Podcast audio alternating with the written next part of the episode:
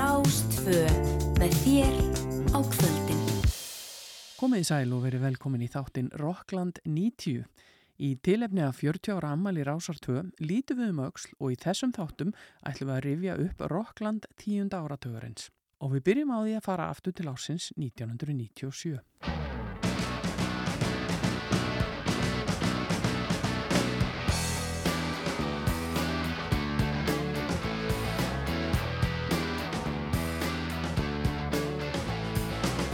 Komið sæl, ég heiti Ólafur Pott Gunnarsson og þetta er þátturinn Rockland.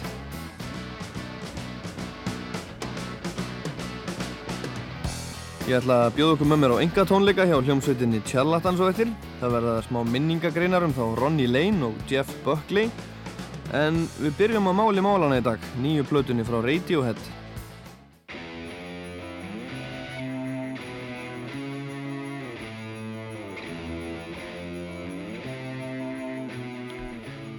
Þeir eru eflust margir sem hafa byggðið í óþrægi eftir nýju plötunni frá breskuðnúsitinni Radiohead og nú er hún komin loksins. Hún heitir OK Computer og kom út fyrir rúmum halvu mánuði. Ég hugsa að flestir hafi heyrt fyrst í Radiohead þegar sveitin sendi frá sér lægið vinsæla Creep í byrjun árs 1993. Lægið var tekið af fyrstu breyskjórsveitarina sem heitir Pablo Honey og kom út í februar 1993. Svo plata seldist mjög vel og poppressan tók sveitin upp á sína arma og heldin á hvert reypi. Plata nr. 2, The Bends, kom svo út í mars 1995 og ekki var hún til að draga á hrifningu pressunar og hvað þá hins almenna flutukaupenda. The Bends er alveg stórgáplata að mínum að og reyndar flestra sem hann hafa heyrt. Hún fór í fjóruðarsæti breska listans á síðast ári og var lengi inn á vinsaldalistan sem þýðir að hún seldist jamt og þétt á laungum tíma. Það er ábyggilega erfitt að fylgja eftir svona góðri plötu en með OK Computer eru flestir á því að Radiohead hafi gert enn betri plötu en The Bends er. OK Computer er sannsagt þriðja breyðskifa Radiohead og popskrýpandar eru flestir á því að hún sé mistarverk og eigi eftir að lifa sem slíkt um ákomna tíð. Það er alltaf erfitt að segja til um slíkt svona fyrirfram en þessi plata er allavega vel þessi veriði að eiga hana. Það er að segja fyrir þá sem hafa gaman á svona dálítið þunglindislegu gítar-pop-rocki. Áður en þeir Radiohead piltar fóru í það að gera OK Computer fenguð þeir þau skilaboð hjá forsvarsmannum hljómblötu fyrirtækisins Parlophone að þeir mættu verið eins lengi og þeir vildu, taka plötun upp hvar sem þeir vildu og vinna með þeim sem þeir vildu. Þeir fenguð sem sagt alveg frjálsar hendur sem er mjög sjálfgætt í þessum mikla peningabransa sem pop heimurinn er í raun og veru. Radiohead samastendur á söngverðanum og gítarleikarunum Tom York, gítarleikarunum Ed O'Brien trommarunum Phil Selvey, gítar- og hljómbósleikarunum Johnny Greenwood og bassarleikarunum Colin Greenwood. Og þeir eru með komnir allir hérna til mín í Rockland og ætla að byrja á að revja upp viðbröð hins almenna plötu kaupanda við síðustu plötu, The Bands. Og það er Tom York sem byrjar. It came out and everyone went, oh, no, no, very good. And then, um, but then, but then about uh, eight months later, you know, people coming up to you in the street and tapping you on the shoulder that record uh, did, did this to me, got me through something or other. So um, I don't know, don't know how that happened. It must have happened in people's houses. They yeah. must have played it to each other mm. or something. Because I suppose we were away for most of it in limbo land, mm. and then when we came back down, it was um, we had done all these weird things. Þegar The Bands kom út fekk hún ekkert allt og góðar viðtökur til að byrja með en nokkru mánuðu setna fór fólk að klappa þeim félagunum á aukslina út um allt og sagði þeim að platan hefði hjálpað í, í gegnum allskins erfinleika og ég veit ekki hvað og hvað. En allavega, fólk hlustaði á plötuna og varð hrifið. The Bends kom út í miðju Britpop fárinu í byrjun árs 1995 en passaði ekki alveg inn í þann gera.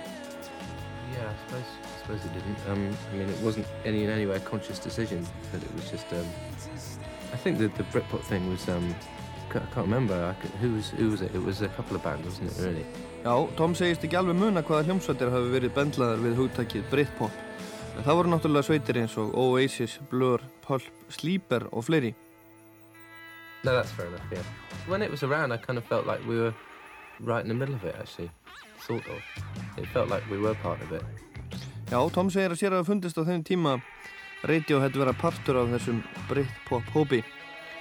Hann segir líka að það hefði komið hljómsutinni dálit og óvart hversu vel fólk tók The Bands.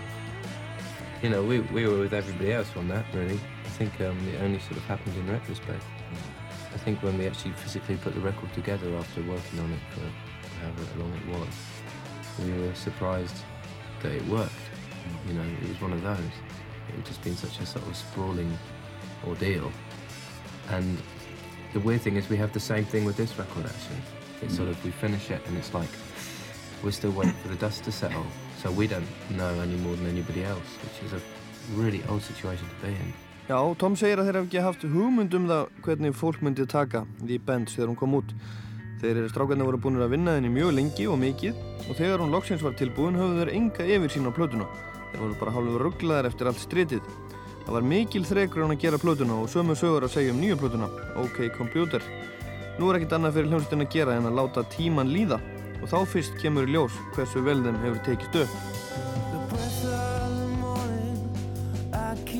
Forgetting the smell of the warm summer air. I live in a town where you can't smell a thing. You watch your feet for cracks in the pavement.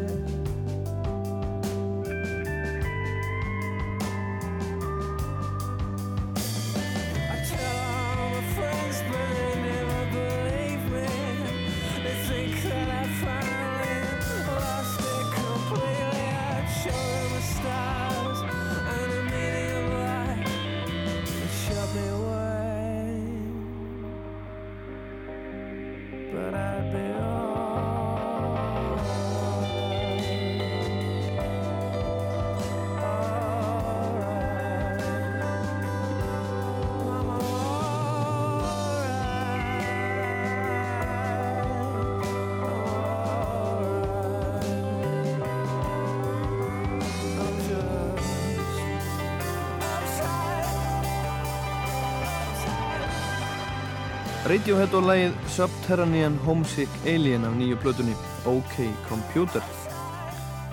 Fyrsta smáskífan af OK Computer er lagið Paranoid Android eða Væni brjálaða vélmenni, lag upp á 6,5 mínútu og það er mjög sjálfgeft að hljómsveitir gefi svo löng lög út af smáskífum. Yfirleitt eru þessi lög svona um það byrj 3-4 mínútur.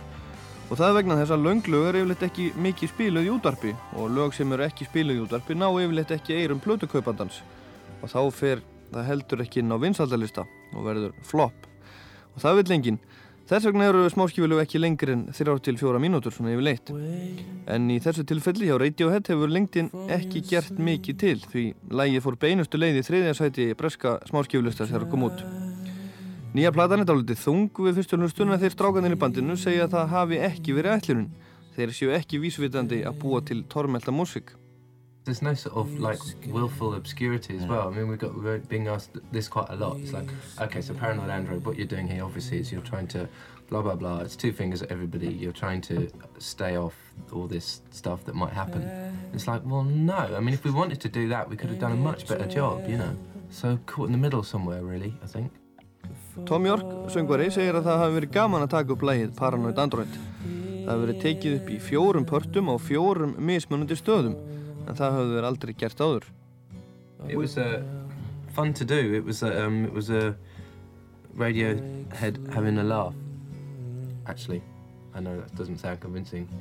Sounds as hollow as anything, but it's true. I mean, it was recorded in four different stages, four different times, um, and then we put it together at the end. It was just something we'd never done before, but it. Um, I, I don't know. I just remember um, Ed walking in at the last for the last section and going, "I've got this great vocal part," and going la la la la la, and everyone's sitting there going, "Oh God." he's lost it. Shit, he's lost it. Hljómsveitin spilaði lægið Paranoid Android á tónleikum allt síðasta sumar en það var dálitið öðruvísið þá. Það var lengra, heilar nýju mínútur og endaði á að hálgerðu bænasöngli. I mean, that song, we actually, we actually gigged that song last summer. Yeah. And this is a condensed version of it. We, we used to do that, it was a nine minute epic with Johnny doing this great big sort of Emerson, mad Lake and Hammond ELP solo at the end. And it was this, this last section, it didn't go back into the dendo. the fourth section was just this play out and it was kind of like started off very mantra-esque. And it was, um, it was very dodgy. In our dreams was it Yeah, mantra-esque? Exactly. Þetta var Johnny Greenwood, hljómbós og gítarleikari Radiohead og hann sagði að lægið hafi verið dálitið sérkjænlegt eins og það var áður. Mér finnst það nú dálitið sérkjænlegt eins og það er í dag, hvernig ætla það hafi verið í upphafi. En nú skulum við heyra þetta lag, Paranoid Android, þetta er flott lag.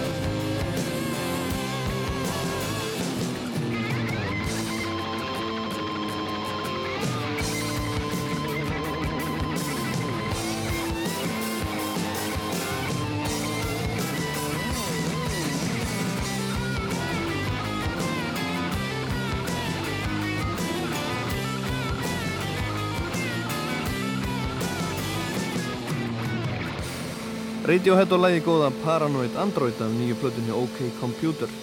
Kannski þetta eigi eftir að lifa eins lengi og Stairway to Heaven, hver veit. Ég var svo heppin að sjá Radiohead á tónleikum á Glastonbury hátíðinni Bresku um síðustu helgi. Sveitin var headline eins og við segjum á aðalsviði hátíðarinnar lögataskvöldið 28. júni og ég get ekki sagt annað en að það var mikil og skemmtileg upplifun eins og reyndar hátíðin öll. En ég segi ykkur betur frá henni síðar. Þó svo að tvö ár hafi liðið á milli platnana The Bends og OK Computer kom einn smáskif út hann í mittiltíðinni, lagið Lucky sem kom út á sapplötunni Help sem gefin var út til styrtar stríðsbörnunum í Bosníu. Þetta lag er núna að finna á nýju plötunni og þeir Radiohead piltar alltaf að segja okkur hvers vegna þeir ákvaða að nota það á OK Computer. It was a mixture of frustration and embarrassment that it only got to 63 in the charts when it was released as a single, as the first single off Help album, um, and you know, to the embarrassment of everybody.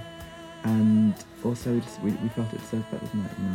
Yeah, but more so, it was only really available in the UK. Plus, it was only in Yeah, English. and like, you know, we were playing around America and playing this song. They go, wow, how can we get this song? Well, you can get it on the Help album. What?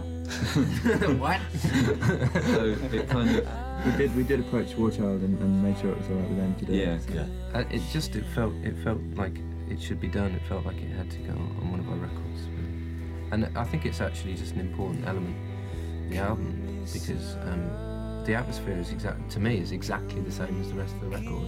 You know, it's not like we bunged it on and it sounds out of place. Þeir töluðu þannig til skiptis þeir Tom York og Ed O'Brien og sögðu að þegar Lucky kom út fyrst hafið það aðeins farið í 63. sæti breska smáskjöfulistans og það voru þeir alls ekki ánæðir með þeim fannst lægið eiga meira og betra skilin en það.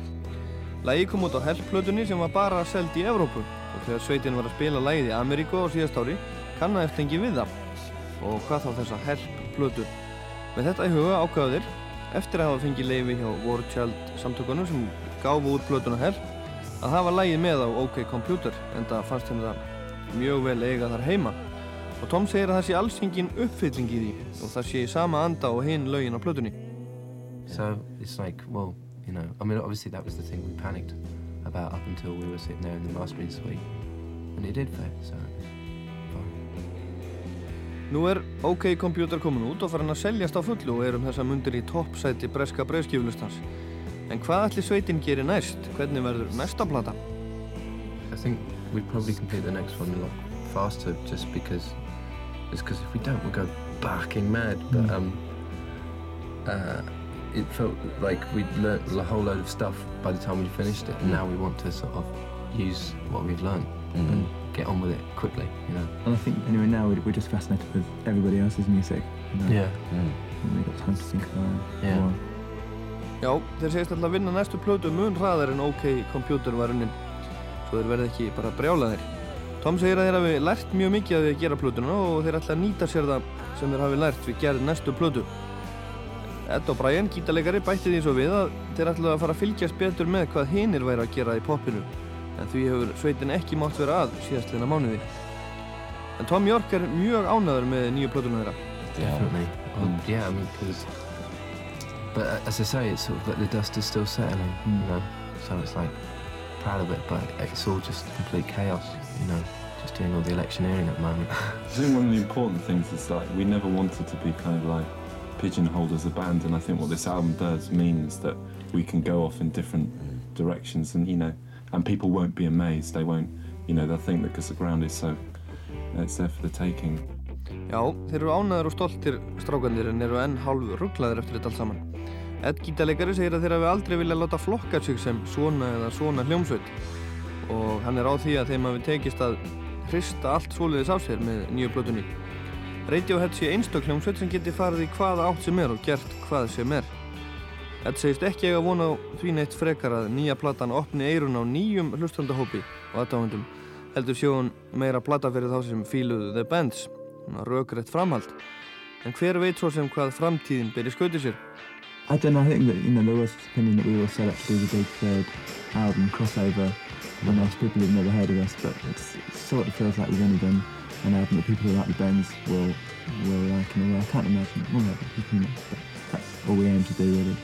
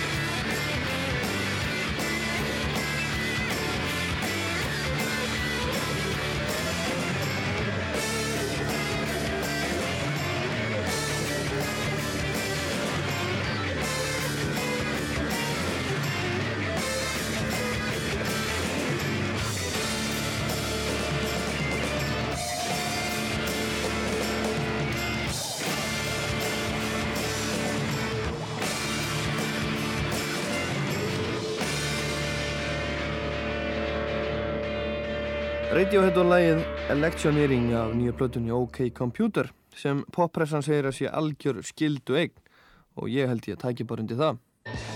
Rockland á Rástvöðu. Eftir erfiðleika tíma upp á síkastið er Manchester sveitin The Charlatans búin að sína það á sanna að hún er langt frá því að vera dauður öllum æðum. Einn af stoppmeðlumum sveitarinnar, hljómbósleikarinn Rob Collins, lést á síðast ári og eftirlefandi meðlumir Charlatans ákvaðu að halda áfram fjórir eins og ekkert hefði í skorist því þeir voru vissir um það að það hefði Rob helst viljað. Sveitin sendi frá sér stórgóða plötu á dónu sem heitir Tellin Stories og er hún söluhægsta plata sveitarna til þessa og jafnvel svo skemmtilegasta líka. Það hafa aldrei komið fleiri á tónleika tjallatans en uh, núna undarfarið, allstaðar uppselt og það voru ekki minni menn en James Dean Bradfield úr Manic Street Preachers, Noel Gallagher úr Oasis og Paul Weller sem hituð upp fyrir tjallatans á tónleikum í London á dögunum ekkert smá lið þar á ferðinni. Hljómsveitin heimsótti eitt af hljóðverðum BBC á dögunum og spilaði hann á band nokkur lög af Telling Stories og ég ætla að spila þrjúðira fyrir ykkur núna eftir. Það fyrsta heitir How High og er nýjasta smáskífula á tjallatans og hljóma svona.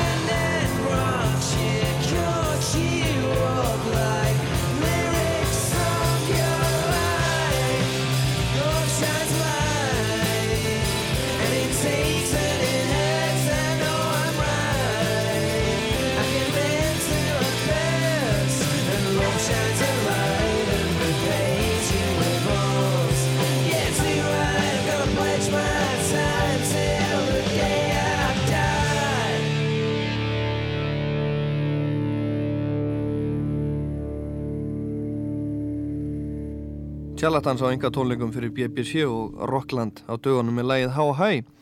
Nýjasta smáskjúlægið af plötunni góðu Tellin Stories sem er eina mínum uppáhaldsplötum sem hafa komið út á þessu óri og er í 15. sæti breska listan sem þessa mundir. Þessar hljómsveit skipa söngvarinn Tim Burgess trommarinn John Brooks Martin Blunt, bassarleikari og gítarleikarin Mark Collins. Og þeim til aðstofar á þessum BBC tónleikum er hljómbósleikari sem heitir Tony Rodgers og er svona sessjónmaður ennþá í það mista. Næsta lag sem við heyrum með Tjallatans í dag er að finna á Telling Stories eins og lagið sem við heyrum á þann og einnig lagið sem við heyrum á eftir. En þetta lag heitir You Are A Big Girl Now.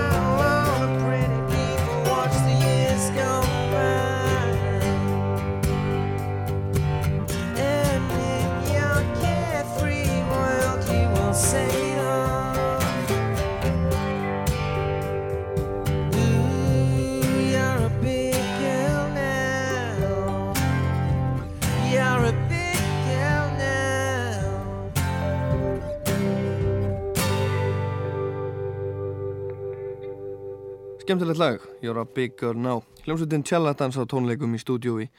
Já, vinum okkar hjá BBC á dögunum. Fyrsta lagi sem sveitin sendi frá sér eftir dauða hljómbúrsleikarans Robs Collins á síðast ári var lagið One to Another.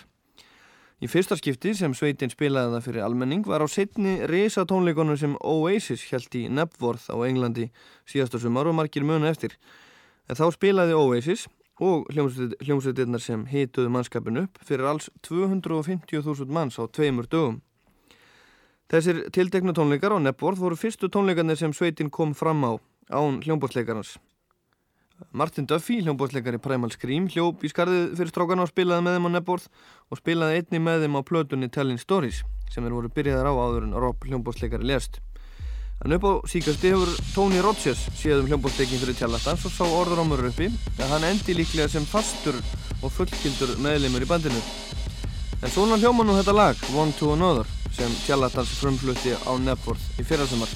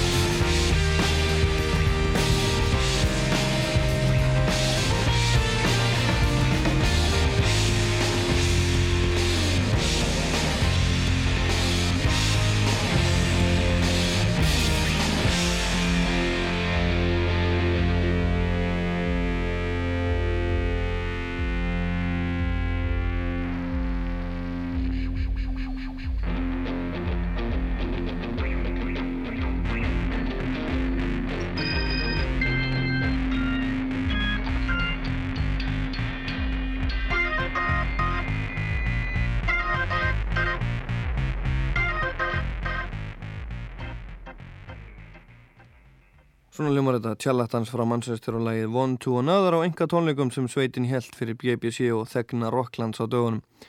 Og eins og ég sagði á þann eru öll þrjú lögin sem við höfum heyrt með sveitinni að finna á plötunni Tellin Stories sem kom út núna fyrir sumar. Og ég mæli eindrægi með þeirri plötu fyrir alla þá sem þóla skemmtilegt og frisklegt svona gítar pop rock. Rockland á Rástvöð. Bassarleikarin Ronny Lane sem gerði Garðin frægan hérna fyrir árunum með hljómsveitunum Small Faces og svo setna Faces lést í síðasta mánuði eins og margir vita úr MS sjúkdónum hræðilega sem er eins konar hörnunar sjúkdómur sem dregur fólk til dauða í rólihittum og í tilfelli Ronny Lanes tók það rúm 20 ár. Small Faces var stopnud í London árið 1965 og ásamt hljómsveitinni Who var Small Faces í forsvari fyrir tísku Motsarana sem tröllreið London þarna í kringum 65. Pól Veller og félagar í Jam tók upp þessar sömu mod-tísku í upphafi sínsferils og margar af vinsalustu hljómsveitum breyta í dagur undir áhrifum frá Who, Small Faces og mod-tískunni. Sveitir eins og Ocean Color Scene og Oasis til dæmis. Pól Veller er ennað og er kallaður í bresku poppressunni The Modfather þannig að það er á hreinu að Ronny Lane og félagar hafa sett djúft mark í popsöguna. Vinsalustu lög Small Faces voru lög eins og Lazy Sunday, Ichigo Park, All or Nothing, Shalalali og fleiri sem við heyram oft hjá gesti einari í þættinum með grátt í vöngum og lögadum. Small Faces var mjög vinsal hljómsveit árin eftir 1965 en árið 1969 fekk söngverðisveitarinnar Steve Marriott sem hafði samið flestöld lög Small Faces á samt Ronny Lane nóg og yfirgaf sveitina til að stopna aðra sveit með nýju mönnum, hljómsveitina Humble Pie. Ronny Lane gafst ekki upp og fekk til leysið sig tvo strákar sem hafðu verið áður í hljómsveit Jeff Speck. Þessir strákar voru þeir Ron Wood sem nú hefur spilað með Rolling Stones í einn 20 ár og söngvarinn Rod Stewart. Faces áttu líka fullt að góða lögum eins og Small Faces en árið 1973 hætti Ronny Lane í Faces og stopnaði sveitina Ronny Lane's Slim Chance sem gáði tinnar fjóra plötur og ótti nokkar smelli áður en, áður en Ronny var greindur með MS árið 1977 eða þar um kring. Áður en við heyrum eitt vinslasta lag Ronny's Lane með Slim Chance skulum við heyra brot úr gamlu vitali við kappan þar sem hann segir frá því af hverju hann hafi hægt í Faces á sínu tíma. No animosity with the boys or anything, but I, I just I knew I just couldn't keep it up because um, as soon as I'm not happy, it's it's not worth it. I mean, I haven't worked all this time to end up in a job that I'm not happy in. You know, I mean, if you enjoy it, then it's not work. Já, Ronny Lane sagði þarna að hann hafi ekki hægt út af neinum leiðindum gagvart hinnum strákonum í bandinu. Hann var bara búin að fá nóg og sagði um leiðu þetta hættir að vera gaman er tilgangslöst að vera að halda áfram. Ég er ekki búin að vera að spila músík allæfi til þess eins að lenda svo í jobbi sem mér finnst leiðinlegt. En ef það er gaman þá er þetta ekkit mál, þá lítum maður ekki á þetta sem vinnu. When the Small Faces first became successful, I mean it was wonderful, you know, sort of going around and staying in hotels and sort of uh, being screamed at, but after a while, the, the, novelty does wear off because I mean, I didn't have any roots. I was just knocking about and I was young and there was lots of things to do. But I mean, I could never go back now and do those things I did when I was younger. You know, I mean, I ain't old, but I, I'm just not a kid anymore. I'm, I was an adolescent in the small faces, you know. and uh, I'm glad I'm not an adolescent anymore. Þegar Small Faces sló gegn fyrst var það mjög skemmtilegt og allt það. Við ferðuðumst, gistum á hótelum út um allt, spilum fyrir fólk sem öskraði á okkar á gleði, en eftir smá stund hætti það að vera gaman. Ég hafði heldur ekki til að styðja mig við, ég var ungur, raunverulega bara unglingur og það var mikið að gera og að prófa. Þó eins og ég ekki gammal í dagar, ég þó voru aðeins eldri en ég var þá og ég geti aldrei farið aftur og gert það sem ég gerði þá. Ég var unglingur þegar ég var í Small Faces og er mjög fegin að ég er ekki unglingur lengur, saði Ronny Lane í viðtali við BBC, rétt eftir hann hætti í Faces árið 1973.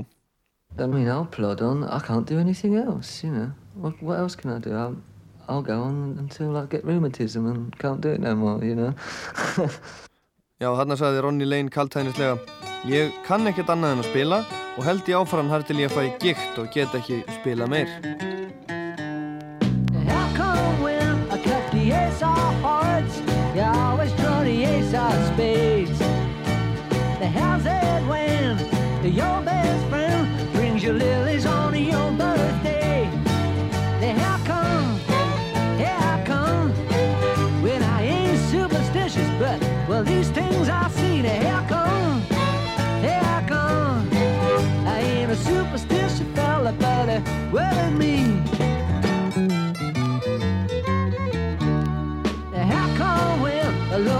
she calls, he tells me that you shouldn't wear black. What kind of bread are you gonna bake with that hemlock in your spice rack? Here come, here come, here come, here come. Well, I ain't superstitious, but well, these things I've seen. Here come, here come, come, come. I ain't a superstitious fella, but uh, well, it's me.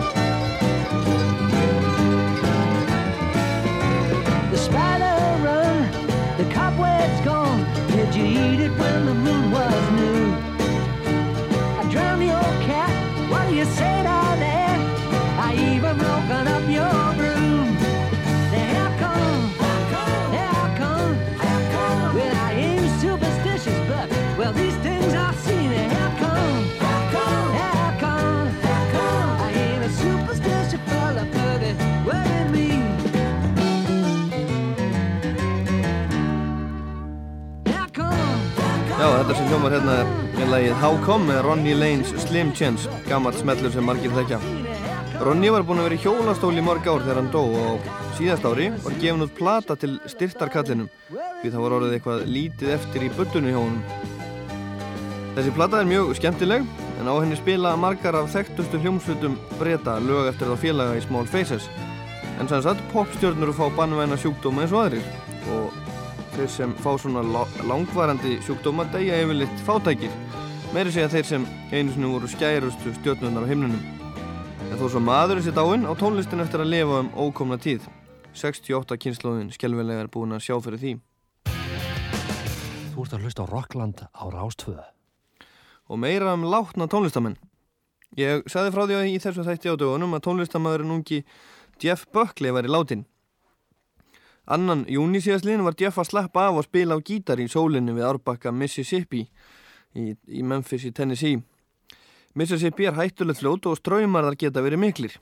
Hvort Jeff vissi um þetta veit ég ekki, en allavega óðan úti í, í sagleysi sínu, syngjandi og alklættur og allt í einu kvarfan sjónum félaga síns og fannst ekki fyrir nokkru dögum setna langt frá þeim stað þar sem hann kvarf.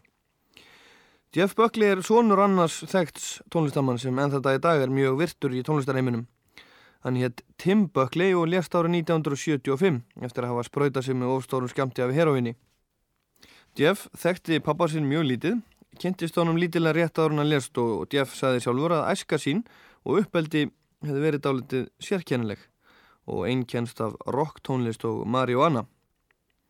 Jeff Buckley sendi frá sig sína fyrstu og einum plötu, Grace, árið 1994 og var hún til dæmis valin plata þess árs af lesendum og bladamönnum breska blaðsins Q. Jeff Buckley þótti meðal efnilegustu ef ekki bestu tónlistamanna sinna kynsluðar og ekki var það síst frábæri og sérkennilegri röddinni að þakka en hana erðan á nefa frá pappa sínum. Það hefði lítið heyrst frá Jeff Buckley síðan hann endaði Grace-túrin árið 1995 en áður hann dó var hann búinn að vera í einhverjum vandræðum í Memphis. Hann var að vinna nýri blödu, var búinn að vera eitthvað að taka upp en var ekki nú ánaður með, með útkomuna og var búinn að senda bandið sitt heim svo hann getur verið í frið í Memphis og samið og spilað á sólótónleikum á sveðinu, eitt með gítar. Til að enda þáttin í dag og til að minnast þessa mikla tilfinningaríka listamanns sem lérstæðir 30 aldrei ætla ég að spila upptöku af tónleikum Böklir frá Glastonbury hátíðinni Bröskári 1995. Þetta er titilægið af plötunni Grace og það vil svo skemmtilega til að ég var á þessum tónleikum í lók júni 1995 og sá þá Jeff Buckley eiginlega fyrir tilviljun og heitlaðist á hann um gerðsanlega. Þetta var síðasta lægið á, á dagskráni hónum þennan daginn og heitir Grace eins og ég sagði. Ég heit Ólafur Pál Gunnarsson og þakka fyrir mig. Svona var Jeff Buckley. Verðið sæl.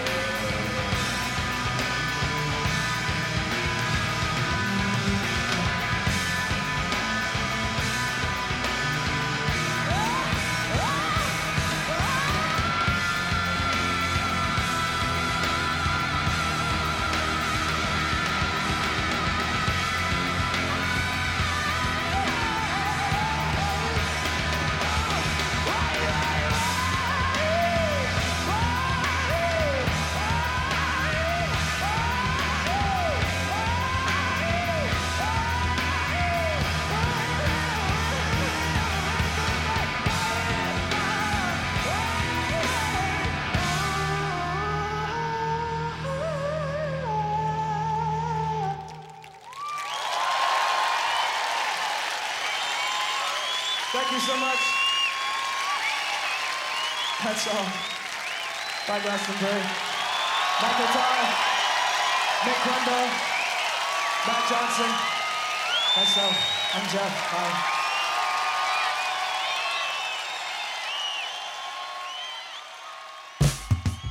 Rástvö Áframhöldum við að rifja upp Rockland tíunda ára törins og áframhöldum við okkur við árið 1997. Ólafur Páll Gunnarsson tekur við.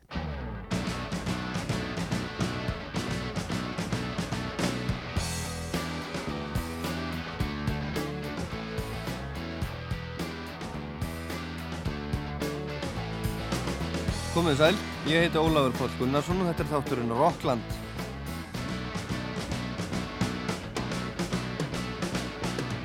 Það er ekki nema þrjár hljómsveitir sem við heilsum upp á í dag, en þessar þrjár eru líka þrjár vinsalustu hljómsveitir heimsins í dag. Við heyrum í þeim Adam Clayton, bassarleikara U2 og Alan McGee, eiganda útgáfufyrirtækis Oasis. Og undir logþáttarins heyrum við smá spjall sem ég átti við Keith Flint, söngvara og andlit hljómsveitarnar Prodigy á Glastonbury hátíðinni Bresku í lók júni.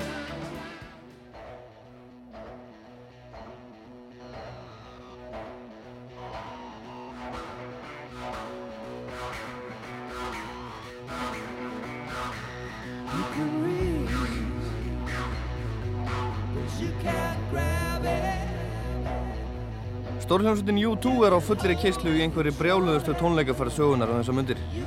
Fyrsti leggurferðarinnar hófst á Sam Boyd leikonginum í Las Vegas 25. april síðastliðin og núna er annar leggurferðarinnar nýhafinn og sveitin er í Skandinavíum þessa myndir. Þessi pop-mart ferðir að Írana hefur ekki fengið allt og góða krítik í pressunni en ég held að það sé bara eins og það á að vera. Pressan er alltaf tilbúin í að gefa skít í allt sem hefur þótt gott. Þetta er þó í fyrsta sinn sem U2 fær þessa útreið hjá pressunni. Miðar á tónleika U2 hafa ekki selst alveg eins vel og vonin stóðu til í fyrstum. Stundum hafa ekki selst nema um þetta byrja helmingur af þeim miðum sem voru til sölu. En ég segi stundum. Fólk verður líka að gera sér grein fyrir því að U2 er að spila á allra stærstu tónleikastöðum heimsins á íþróttaleikvöngum taka fleiri 20.000 af gestum og kannski ekkert óverlegt við það að það sé ekki alltaf uppselt. 18. og 19. júni síðastliðin spilaði U2 í Oakland Coliseum rétt hjá San Francisco í Kaliforníu og Oasis hitað upp. Sendi herra Rocklands í Ameríku var á stanum fyrra kvöldið og hitti bassaleikara U2 Adam Clayton á máli rétt eftir að hann steg niður á sviðinu. Adam er kurteismadur og byrjaði á því að heilsa og kynna sig. I'm Adam Clayton. Um... bass player with U2 and we're in San Francisco at the Oakland Stadium and I've just come off stage because we played a killer gig tonight. Já, Adam sagði þarna að þeir strákarnir hefur spilað dundur koncert fyrir Canon hérna í Oakland. Þegar þetta spjall fór fram voru tónleikarnir í þessari popmartferð átnir átjántalsins og Adam var spurðaði hvort síningin þeirra væri enn í þróun. Um, yeah, I, can, I, I can't answer that in a very complicated way, but yeah. it is evolving. Um, every night, you know, you find new things about the songs. Um, tonight was different because we had Oasis kind of opening with us, um, so that was kind of good to see them. And you know, in a way, we're just kind of getting more and more comfortable being up there and figuring out how that big screen works and you know how to feel comfortable walking out of a lemon, stuff like that. Já, Adam sagði að þetta var enn að þróast hjá þeim. Þeir verið að finna út nýja hluti í sambandi við laugin sín á hverju kvöldi. Þannig að þetta kvöld væri dálítið sérstætt fyrir þær sækir að Oasis hefði hitað upp fyrir þá og það hefði verið gaman að sjá það að spila. Hann sagði líka að þeir í YouTube væri orðinir afslappaðir í sambandi við alla græjurnar og sviðið og væri átt að segja á því hvernig þetta virkaði allt saman. En sviðið er ótrúlegt og ég kem betur á því og eftir. Á nýjastu plötu U2, Pop, sem kom út í vor, er mikið lagt upp úr rithmadild sveitarnar, bassa og trommum. Þetta sé ekkert erfitt að koma þessu til skila á tónleikum, þannig að þetta sándi almennilega. Yeah, I mean I think it is a challenge. Uh, the record that we made was, uh, you know, consciously rhythmic in a way um, that we knew it was going to be a difficult thing to to put across live. But Howie B's been out kind of producing the live sound for us, and we're gradually learning how to make, you know, bass and drums sound good in these buildings. Adam segir að þeir hafa vitað fyrirfram að það er erfitt að koma lögunum almenlega til skila á tónleikum. En Howie B, félagið þeirra sé búin að vera að hjálpa þeim í ferðinni sem yfir hljóðmaður og þetta sé alltaf að koma hjá þeim smátt og smátt. Bassinn og trómbundar séu farnar að sánda almennilega. Maður skildi alltaf það að það væri erfitt að koma lægi eins og Discotek, fyrsta smáskifulægin á pop til skila live á þessum risa leikvöngum En þeim virðist takast það strákunum. Well, you know, some of those songs, if like they're any good, you can kind of pull them apart a bit and, you know, it'll still hang together. Because, you know, at the end of the day, regardless of what we do in the studio, we kind of, we're a band that, you know, likes to be able to just set up like in this room with, you know, bass, drums, guitar and a few mics and actually just do it. You know, the technology is a, an enhancer but it's not an enabler. Adam segir að ef lögin séu góð þóliði alveg smá spennu og breytingar og bæti við.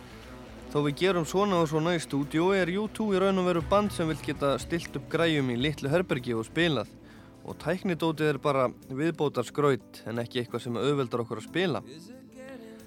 Nú er þessi tónleika fyrir U2 sífælt borin saman við síðustu reysu U2, Sú TV túrin sem þóttist takast frábælega og er talað um sem afreg í tónlistarsögunni. Hvernig finnst Adam poptúrin standast samanburð við Zoo TV, svona sjónrænt? Yeah, I mean I don't really get to see it, so I'm probably the worst person to ask. Um, I think Zoo TV was, uh, you know, it was much more confrontational. It was, a lot of information coming from a million different places. And it was the band kind of in the middle of all this um, kind of digital mess. Uh, this time it's a lot cleaner.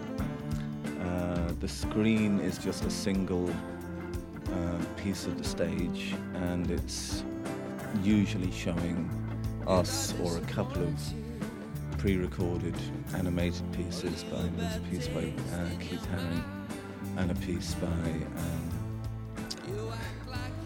uh, Roy Lichtenstein, you know, the the fighter plane piece. So it's it's cleaner, you know, and it's big. Adam segir að hann sé líklega vesti maðurinn til að svara þessari spurningu því hann sjáu þetta aldrei nema á sviðinu og það hann sé lítið að sjá. Hann segir þó að þetta sé allt öðruvís í þessari ferð en þeirri síðustu. Í Sú TV-turnum einkendist sviðið af ringulreið og upplýsingaflæði sem sínt var á reysastórum sjónvarskjánum á sviðinu og skjáirnir voru partur af sviðinu. En núna standi skjárin einn og sér og allt sé hreitna og beinna. Núna komi bara myndir af þeim upp á skjáin í bland við fyrirfram unna myndbúta sem einhverju kallar hafa búið til fyrir þá. Og ekkert í líkingu við það sem var í gangi í Sú TV. Og mér skilst að risaskjárin sé bara þarna svo fólkið aftast sjáu hvað er að gerast á sviðinu. Bónum félagar hafa breytt nokkur um af gamlu lögunum sínum fyrir þessa tónleikaferð. Sumir eru ánaði með það en aðrir botna ekki neitt í neinu. Yeah, I think that was, you know, new knowledge. Um, when we were rehearsing them up, we wanted to change some of the elements with, you know, where we were at. And we updated, I think, Bullet, and there's some new things in Streets. So that was just kind of the equivalent of a musical improvisation that we kind of hung on to. Adam segir að þegar þeir voru að æfa fyrir túrin þá hafa það langað til að breyta nokkurum elementum í nokkurum gamla lögum eins og til dæmis Bullet í Blue Sky og the Streets Have No Name En til hvers gerðu þeir það til að gera þessi lög sem eru búin að spila miljón sinnum spennandi fyrir þá sjálfa? Um, interesting is a, a way of describing it, but I think it, it's more about kind of getting the song to hit a particular mark. And, you know, just sometimes that's what you need to do to a song to keep it um, relevant or alive. Adam segir það að hafa farið að breyta lögunum til að já, gera þau pinlítið meira spennandi, láta þau hitta betur í mark. Hann segir að stundum þurfum að gera eitthvað svona til að gera lögin meira viðegandi og meira lifandi.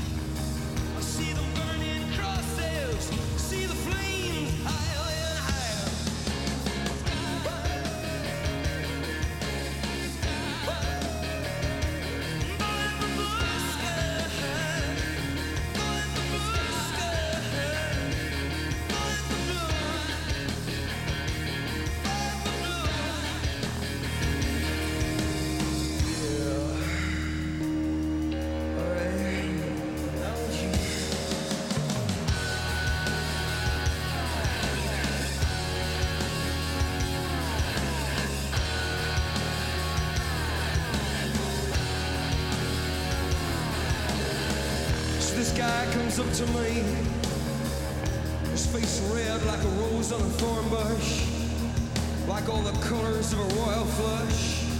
And he's peeling off those dollar bills, slapping them down. 100, 200. And I can see those fighter planes. I can see those fighter planes. Across the mud huts where the children sleep, through the valleys and the quiet city streets. We take the staircase to the first floor. We turn the key and slowly unlock the door. A man breathes into a saxophone. Through the walls, we hear the city groan. Outside, it's America.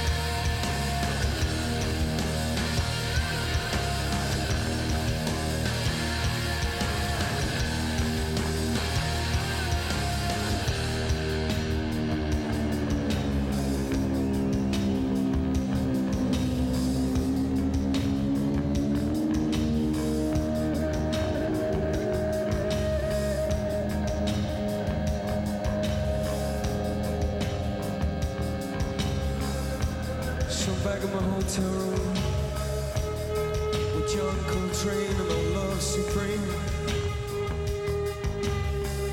In the next room, I hear some woman scream out. Her lover's turning off, turning on the television. And I can't tell the difference between ABC News, Hill Street Blues, and a preacher in the old time gospel hour, stealing money from the sick and the old. The God I believe in isn't short of cash, mister. I feel a long way from the hills of San Salvador, where the sky is ripped open and the rain pours through a gaping wound, pelting the women and children, pelting the women and children. Run, run into the arms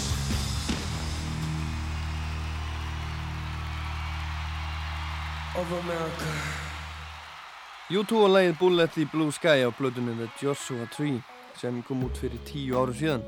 En þessi útgáfalagsins verður tekin á blöðunni Rattland Hum frá 88 og verður tekin upp á tónleikum. Svona spiluðu lægið þá en eru búinir að breyta því eitthvað í dag. Ég veit því miður ekki hvernig. Ég hef ekki enn komist á tónleika með U2. Því miður segi ég en ég hefa sjálfsögðu mikinn áhuga á því. U2 hefur aldrei gert hlutina hér um bil. Sveitin hefur alltaf einbetsur því að fara alla leið og gera betur en allir aðrir hvað var þar tónleika og annað slíkt. Eins og þessi árstúr þeirra popmart-túr ber vitnum og svo TV-túrin sem er fóru í síðast. Sviðið í poptúrnum er alveg rosalega stórt. Fyrir aftan sveitina er risaveggur sem er einn sjónvaskjár. Á miðjum tónleikum fyrir risastóru upplýst diskokúla sem er í lægin eins og sítróna, hangir í krana, að snúast fyrir ofan áhörnendarskaran og svo opnast hún og inn í henni er hljómsveitin. Á sviðinu er líka ólífa sem er fjórir metrar að umáli og hún stendur á 30 metra háum tannstöngli, svona svo eitthvað sem nefnt.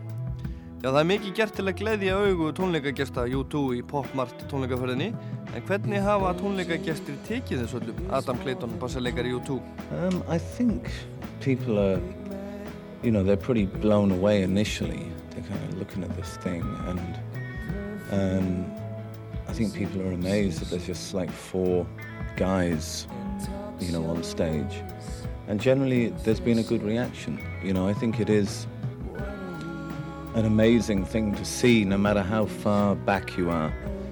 And I think the sound is as good as you can get in, in this environment. So I think people have kind of gone, wow, what happens next? You know, where does this go? Já, Adam segir að viðbröðu fólks hafa yfirleitt verið mjög góð og fólk sé hálf undrandi yfir þessu öllu saman. og að allt þetta sé búið til í kringum fjóra kalla sem standa upp á sviði og spila rock. Hann segir að sjóið sé ótrúlegt alveg saman hvað þú stendur langt frá sviðinu og sándið sé eins gott og það geti orðið við þessar kringustöður. Hann bætir svo við að fólk hugsi með sér hvað verður svo gert næst. Popmart tónleikaferðin er líklega dýrasta tónleikaferð sögunar og þetta er mikið hættuspil fyrir hljómsveitina, þannig lagað. Ef það selst ekki upp á sem flestum stöðum, getur það hreinlega að tapa það á sæfintýri og við erum ekki að tala um neina þúsundkalla. Well, you know, you go out there, you know, kind of going, well, we want to do it differently. We want to be um, creative. We want to kind of, you know, be a little bit kind of crazy and see what you can you can do with the space. And you you do take a gamble, um, but I think I think it worked. I think people are coming and enjoying it, and you know we're happy with that. Adam segir að peningapælingin sé annar staðar í heilanum en músikinn og metnaðurinn og segir Við ákváðum að gera eitthvað nýtt, eitthvað öðruvísi okkur langaði til að vera dálítið geggjaður og sjá hvað við getum gert hvað við kemast langt. Við tókum áhættu og ég held hún hafi borgað sig. Fólk kemur á tónleikan okkar og ég held að það sé ánægt. Þá erum við ánæði líka. Nú hefur slúðurpressan verið að kasta skíti í YouTube upp á síkastuð og segja að túrin gangi ekki eins vel á nætt að ganga. Þetta spjall við Adam Clayton fór fram í Oakland í Kaliforníu 18. júni síðastliðin og hann var á því að þetta væri bara kæftæði í slúðurblöðunum. Yeah, I mean, I think there has been some speculation in tabloid papers. They are tabloid papers. I think we've, I mean, we've sold, I don't know, something like 4.5 million records, 2 million tickets. So from our point of view, that gives us the freedom to keep going. You know, it's not necessarily a case of um, balancing books. It's like, okay, you know, we're up and running. It's working. Adam sagði þarna að það væri rétt að slúðurblöðin hefði verið eitthvað að slúðra en það væri þetta jú slúðurblöð. Hann sagði að platan þeirra væri búin að seljast átt á 50 miljón 2 miljónir væru seldar af miðum og tónleika og þetta væri allt í góðum gýr. Það myndi kannski ekki skila þeim neinum hagnaði en gæfi þeim þó frelsi til að halda ótröðir áfram.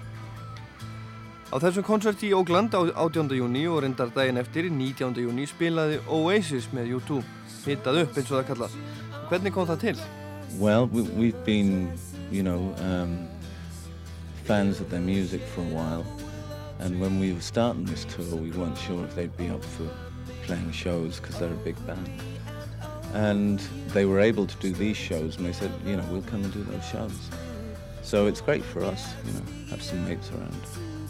Adam sagði að þeir í U2 væri búin að vera aðdáendur Oasis í langan tíma og í upphafiði túrsins hafið þeir haft samband við Oasis og spurt á hvort þeir væri til í að spila með þeim. Þeir voru til í að spila með þeim þessi tvö kvöld, 18. og 19. júni og Adam sagði að það væri gaman að hafa með, en það væri þeir vinir og félagar. En hvað fannst Adam um tónleika Oasis þarna fyrir um kvöldið? Um, well, I think they're brave to to come from where they've come and get up, you know, on our stage. I think that shows a lot of bottle. And they got up and um, they played a great show. You know? um, I think people over here are interested in kind of knowing what they do, but they haven't really spent enough time here. Já, Adam fannst þér bara nokkuð góðu strákanir og sagði að það væri merkju um mikinn kjark hjá Oasis að koma til Ameríku upp á svið hjá U2 og spila og bætti við að fólk í Ameríku væri áhugasamt um Oasis en sveiti væri bara svo lítið búinn að spila þeir í landi. Þegar Oasis spilaði var ekki enn komið myrkur og ljósinn fengu ekki að njóta sín. Það er ábyggilega erfitt að ná upp almennleiri stemningu á 50.000 manna leikvangi um hábjartan dag þegar alla töfrana vantar. En samt var Manchester búinum vel tekið. Um, well, you know, I think they've played European festivals the same as we did, so um, it's not a great spot to go on, but if you've done those festivals, you can make it work. You know, I think they just took that spirit with them. Adam sagði að Oasis væri búinn að spila á tónlistarháttum í Evrópu eins og þeir gerðu sjálfur hérna í den. Hann gerði sér grein fyrir því að það væri ekkert voðalega gaman að spila í björtu. En þegar menn væri búin að spila á þessum útiháttíðum kynnu þeir alveg á þetta og var á því að þeim hefði tekist vel upp þeim Gallagher bræðurum.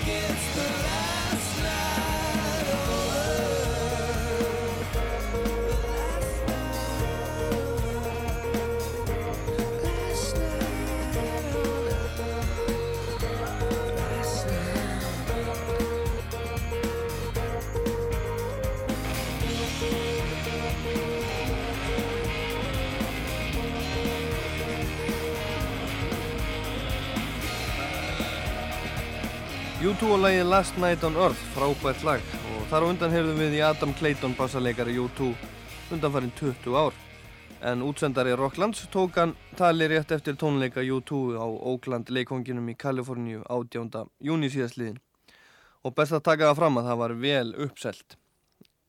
Eins og staðinir í dag er búið að bóka tónleika með U2 allt fram til 28. apríl á næsta ári en þá var sveitin að spila í Jóhannesaborg í Söður Afríku. En það voru fleiri teknir talið þarna á Oakland leikonginum í júni en Adam Clayton. Hello, I'm Alan McGee and uh, Alan Creation Records, Oasis record label. We're at uh, Oakland Stadium, just outside San Francisco. Þetta var Alan McGee eigandi Creation plötufyrirtækisins og maðurinn sem uppgötaði Oasis og gerði við á plötusamling. Hljómsveitin er búin að klára nýju plötunum sína sem að heita Be Here Now og kemur í búðir út um allan heim 18. ágúst eða mann rétt. Fyrsta nýja lagið þeirra í 16 mánuði, Do You Know What I Mean, kom út 7. júli síðastliðin og seldist í 160.000 eintökum á fyrsta degi sem er metaði held. Þegar sendi herra Rockland spjallaði við Allan voru þeirra Oasis piltar nýstignir á sviðinu og Allan var spörður hvernig hún hefði fundist strákandir að standa sig. Um, I thought I thought it was brilliant. I was just like glad to see them back on stage after about ten months since the last time I'd seen them. Uh, and- and the thing that struck me was uh, both the boys were singing amazingly well. I thought Noel was singing incredibly. I thought, I thought Liam was singing really incredibly. Uh, Noel's got a real developed a real bite to his voice actually. Uh, it was like ah, I loved it. It was like I- it was good to see them back. Allan fannst hljómsveitin standa sér frábælega og sagði að bæði Liam og Noel hefðu sungið mjög vel. Hann sagðist líka vera gladur að sjá sveitina í svona góðu formi eftir að hafa ekki séð á tónleikum í tíu mánuði. Hann bætti svo við að andrósloftið í herbúðum Oasis væri mjög gott. Uh, it's buoyant at the moment because uh, we know we've got this uh, album up our sleeve and it's like it's going to be a big album and you know like everybody's really together and like, Liam's really happy and it's going to be good. Já, allir voru í góðum fílning þarna 18. júni. Sveitin með nýja góða blötu upp í erminni og Liam í, í sérstaklega góðu formi. En hvaða lög spilaði Oasis á þessum tónleikum? Uh, played Be Here Now, uh, which is the uh, kicking up a storm from the day that I was born with Liam Gallagher like singing it beautifully. Uh, and uh, Do You Know What I Mean? That's what, that's, that was the new songs we played. And they did a Wonderwall, a kind of an electric version of Wonderwall, which was kind of cool, and an electric ver- version of Cast a Shadow, which was really good as well. Einu nýju lögin sem Oasis spilaði á tónleikunum voru Be Here Now, titila nýju plötunar og nýja smáskjöfulegi Do You Know What I Mean. Svo spiluðu strákarnir rafmagnaða útgáðu af Wonderwall og Cast No Shadow, svo eitthvað sem nefnt. Og Alan McGee var mjög ánæður með strákarnir sína, en hann er svona eins og hálfgerður þjálfari hljómsveitarinnar, þar að sé ef að hljómsveitin væri fótballtalið. En hvað fannst Alan um tónleikagestina þarna út í Kaliforníu? They're just, a, I mean, they're not really any different from what English audiences, you know I mean? It's like, people are just any rock and roll right around the world, aren't they? You know what I mean? And it's like, you can't be like racist about it and say that English fans are better than American fans. I mean, it's just because it's just not true. You know, it's just like, you know, it, I mean, if you're into it, you're into Oasis, and you know, people were just were loving it. You know. Já, Allan sagði að bandaríski tónleikagestur væru ekkert frábörunir þeim bresku. Fólk vilja rocka allstaðar. Og það geti engan veginn haldið ég fram að breskir áhörendur og horfendur séu betri en bandarískir. Annarkort er fólk hrifið af Oasis eða ekki fólk verðist hafa mjög gaman af strákunum svona almennt. The, the great thing about Oasis that people miss out is that you know it's a band. Do you know what I mean? You know, Bonehead's an incredible guitar, rhythm guitar player, and you know the bass player's looking very trim, I may add, at the moment. Uh, he looks as if he's lost a few pounds, and uh, and uh, he's sounded really solid, and the, the, the drums as usual were like great. It's a, it's a great rhythm section we've got. Það er eitt við Oasis sem fólk gleymir alltaf oft. En það er það að Oasis er frábær hljómsveit. Bonehead er frábær rytmagítalegari og Giggsy er góður bassalegari. Hann lítur líka vel út núna, er búinn að missa nokkur kíló og Andy Trommari er líka frábær trommari, segir Alan McKee. Sem sagt, Oasis er gott band en ekki bara þeir bræður, Noel og Liam. Alan var líka á því að Liam var í frábæru formi eins og nýjútsprungin Rose þó svo margt og mikið hefði gengið á hjá honum upp á síkastið. Well, if you can put it about, about a bit more than Liam Gallagher, then yes, I think he's putting it about a bit more. But he was just, yeah, he was awesome, you know. And when uh, the solo for Champagne Supernova, he was just shouting, "Come on, come on, come on," you know. And it's just like, no, you know. I mean, it's like Liam's like a, a man with a mission, 100% of the time. It's great. It's great, sagði Alan McKee. Hann sagði að Liam væri í frábæru formi þrátt fyrir allt sem hann hefur mátt þóla. Liam sé eins og maður sem hefur fengið að hlutverka að útdeila sannleikanum og sé alveg 100% náðungi, 100% allan tíman, alltaf. Og hann hafi staðið sig sérstaklega vel í læginu Champagne Supernova þarna fyrir um kvöldið. Ætlið að hafi komið allan óvart að Oasis skildi hafa ákveðið að í fyrsta lagi hita upp fyrir aðra hljómsveit og það á svona risa leikvangi í Ameríku. No, really, this has been on the cards for a long time. There's quite a bond between you two and Oasis as, as people, you know. So I mean, it, it, Oasis and you two are sort of like, you know, you know, I've got on well socially for about two years now. So it's like it was in kind of like it was part of the course. There was going to like be a gig at some point. Nei, þessi tónleikar komu Alan McGee ekkert á óvart. Það sagði að strákarnir í hljómsveitunum tveimur væri búin að þekkjast í svona tvö ár og það var löngu ákveðið að þessar tvær sveitir myndu spila saman einhver daginn. Og svona síðustu, hvernig verða þessir tónleikar á Oakland leikanginum í minningunni hjá Alan McGee? Uh, uh, walking along the road uh, and you know lots of people saying, "Have you got a ticket uh, for the gig tonight? Uh, can I get a ticket?" Uh, and an, an immense struggle trying to get in as everybody seemed to arrive, all 45,000 people at the one time, like 15 minutes before the Oasis got on. So it was like, it was incredibly uh, uh, hard work getting in, getting to my seat, and uh, them uh, blasting into Acquiesce, and uh, Liam Gallagher uh, baiting the American audience, you know, as he as he as he does. And just the band just seemed really happy and just really in a good mood, which is great. I, I mean, I've yet to see them, but I'm sure I wasn't wrong, you know.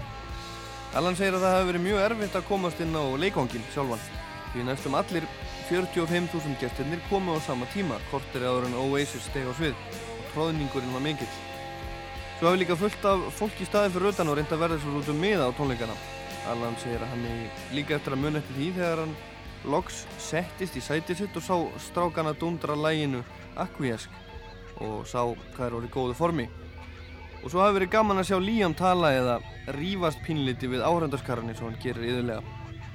Þegar þetta spjall fór fram átt hann eftir að hitta hljómsveitina en saðist vissum að þeir væru í glimrandi góðu skapi.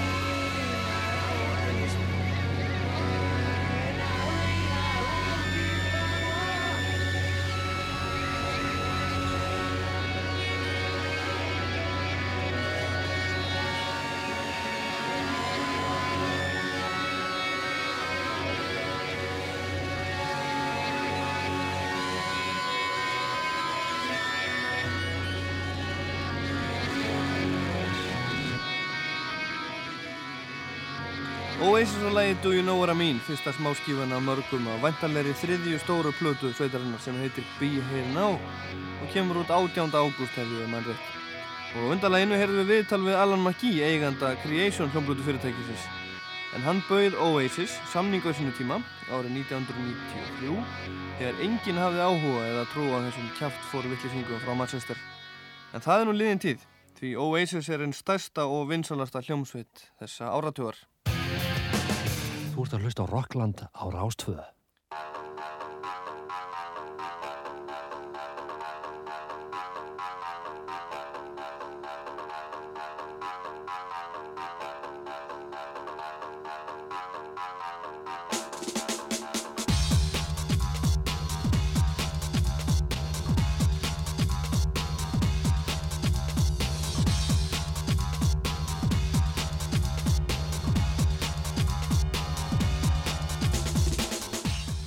Hljómsveitin Prodigy sendi frá sér plötuna The Fat of the Land á dögunum og sælarplötunar hefur farið langt fram úr björnustu vonum. Bara hérna á Íslandi var 6.000 eintökum dreift í búðir út um all land daginn sem hún kom út og ég held að það sé met með erlenda plötu í það mynda. Prodigy er einhver vinsulasta hljómsveit í heim í dag og er aðalnúmerið á flestum ef ekki öllum meiri háttar tónlistarháttíðum Evrópu í sumar. Sveitinn spilaði á Hróaskjöldu í loki og nýfið góðar viðtökur og sömu helgi spilaði Sveitinn á Glastonbury háttíðin í Breitlandi á förstudagskvöldi háttíðurinnar. En hún stóði yfir frá förstudegi til sunnudags 27. til 29. júni síðastliðin. Sveitin var tekið vel þar að sjálfsögðu líka fyrir utan um það byrj 20 mínúna hlýja sem varð á miðjum tónleikonum vegna þess að eitthvað bílaði hjá þeim. En áhörðarskarinn, líklega um 50.000 manns, leta svo sem ekkert á sig fá og beigð rólegur. Ég var einn örfára Íslandinga á þessari Glastonbury hátíð og daginn sem að Prodigy spilaði var ég að þvælast bak við aðal sviðið fyrir um daginn og rakst þá á Keith Flint sem uppháðlega var dansari Prodigy en er núna orðin söngvari og andlit sveitarinnar út af við. Já, hérna er standur baksviðs fyrir aftan aðal sviðið á Glastonbury hátíðinni. Það er grænjandi regning og allt í bleitu og hér er ég búinn að góma Keith Flint, aðalmannin í Prodigy. Hi Keith, how are you? Yeah, I'm cool, thanks. Keith verið í góðum fíling og ég byrjaði að spyrja hann hvernig honum litist á hátíðina en sjálft hátíðasvæðu sem er undir venjulegum kringustafum, fallegur grasvöllur og heimkynni breskra kúa var eitt flakandi drullu svað og leit út eins og gullas hvert sem liti var. Ah, it's pucker. Glastonbury is the best festival in the, in Europe, without a doubt, and probably in the world. You know, we've been done them all now. I love Glastonbury. I always used to come as a punter, and now I'm here playing it, and yeah, what that's what it's all about. You know, doing the places you like going yourself. You know, it's perfect. All the cool bands here tonight. I don't think we're headlining. It's just that we're last on, so that we get our light show up, and and people can see us how they like it. You know. Keith sagði að sér fyndist hátíðin frábær. Glastonbury væri besta tónlistarhátíð Evrópu og líklega svo besta í heimi. Hann væri búinn að spila á öllum stóri hátíðunum í Evrópu og Glastonbury væri best og skemmtilegust. Að hafa komið á Glastonbury áður sem áhorfandi og núna komi hann náttúrulega til að spila og finnst það frábært. Hún er leist vel á böndin sem spiluði með þeim hennar daginn og var ekkert á því að Prodigy væri headline eða svona aðal númer eitthvað, hóverðin uppmáluð.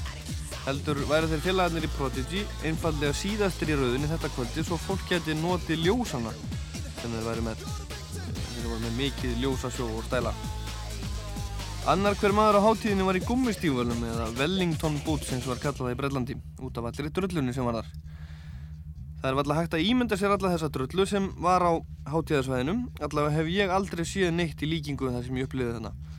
Alveg sama hvað ég reynda að passa mig að drulla mig ekki út var í orðinni svo drullustikki eins og skot langt upp á maga og verða að segja að 66 gráður norður reggalinn minn sem ég tók með mér í þessa ferð fyrir tilviljun bjargaði mér alveg. Ég spurði hvernig hún litist á alla drulluna og hann sagðist elska drullu. We love mud. We love it. You know, you know, Glastonbury's not, you know, it's about just getting in, getting mucked in and enjoying it. It doesn't matter what the weather's like. You know, it's, you know, if, if it's sunny, people complain about getting burnt, and if it's rainy, people complain about getting wet. But, you know, most people enjoy the mud. They slide up and down the hills and um, get caked in it, and once you're covered, you're covered. Can't get any worse, can it? Keith Flint segði þarna að þeir í Prodigy elskuðu drullu. Þetta væri það sem Glastonbury snerist um. Að mæta og skemmta sér hvernig sem veðri væri. Ef það er sól, þá kvartar fólk yfir því að það brenni og ef það rignir, þá kvartar fólk yfir því að það er að blotna. Það flestir fíla þá drulluna bara vel og renna sér í henni niður brekkurnar. Og þegar þú ert allir orðin drullugur fyrir haus, þá getur ástandið ekkert versna meira. Eða það nokkuð, sagði Keith.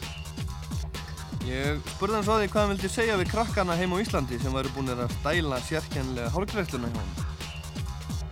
Oh, I didn't know anyone had, so, uh, you know, what can I say to that? Ég vissi ekki að neitt með þið gert það og hvað er eiginlega hægt að segja um það, sagði Flint. Ég sagði hann um næstur á því að Prodigy væri einn allra vinsalasta hljómsveitum á Íslandi í dag og spurði hann hvort hann vissi af því. Um, no, not really. As long as we're respected and people understand us, that's all that matters. Size doesn't really count, you know. It's just like, get on with it and, and it's cool. Nei, hann sagðist ekkert vita að Prodigy væri svona vinsal á Íslandi. En það sem skipti mestumáli væri að fólk skildi um hvað þetta snýrist hjá þeim og að þeir væri virtir fyrir það. Prodigy hefur komið þrísasunum hingað til Íslands og spilað. Um, yeah, three times now, yeah. Each time's been really good. Look forward to coming back. We love Iceland. It's pucker.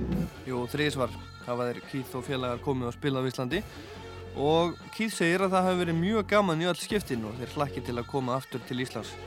En hvenar ætla Prodigy að koma næst hinga til okkar? It'll be six months or so. Yeah, six months or so, yeah.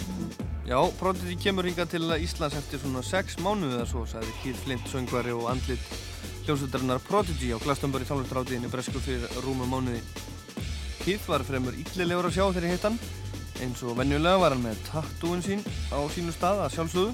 Hann var í stuttbuksum, gallajakka, með teini gegnum nefið og eirnalokkarnar sína. Málaður í framann eins og púki og með tvo hárkampa upp í loftið, litaða svarta og gula rönd ef mann rétt rétt á millið þeirra. En það sem kom mér skemmtilega óvart var að hann tók krökkunum sem komu til hans mjög vel. Hann var mjög þólimóður við upp, gaf sér tíma til að spjalla við krakkana og gaf eiginhandar áriðanir þangað til allir voru ánaðir. Þannig að þó hann líti út eins og lítill tjöfull er hann líklega engill inn við beinið. Ég heit Ólafur Pál Gunnarsson og þakka fyrir mig í dag og ætla að enda þetta á nýjasta smáskífulegi Prodigy, Mindfields af plötunni The Fat of the Land. Verðið sæl.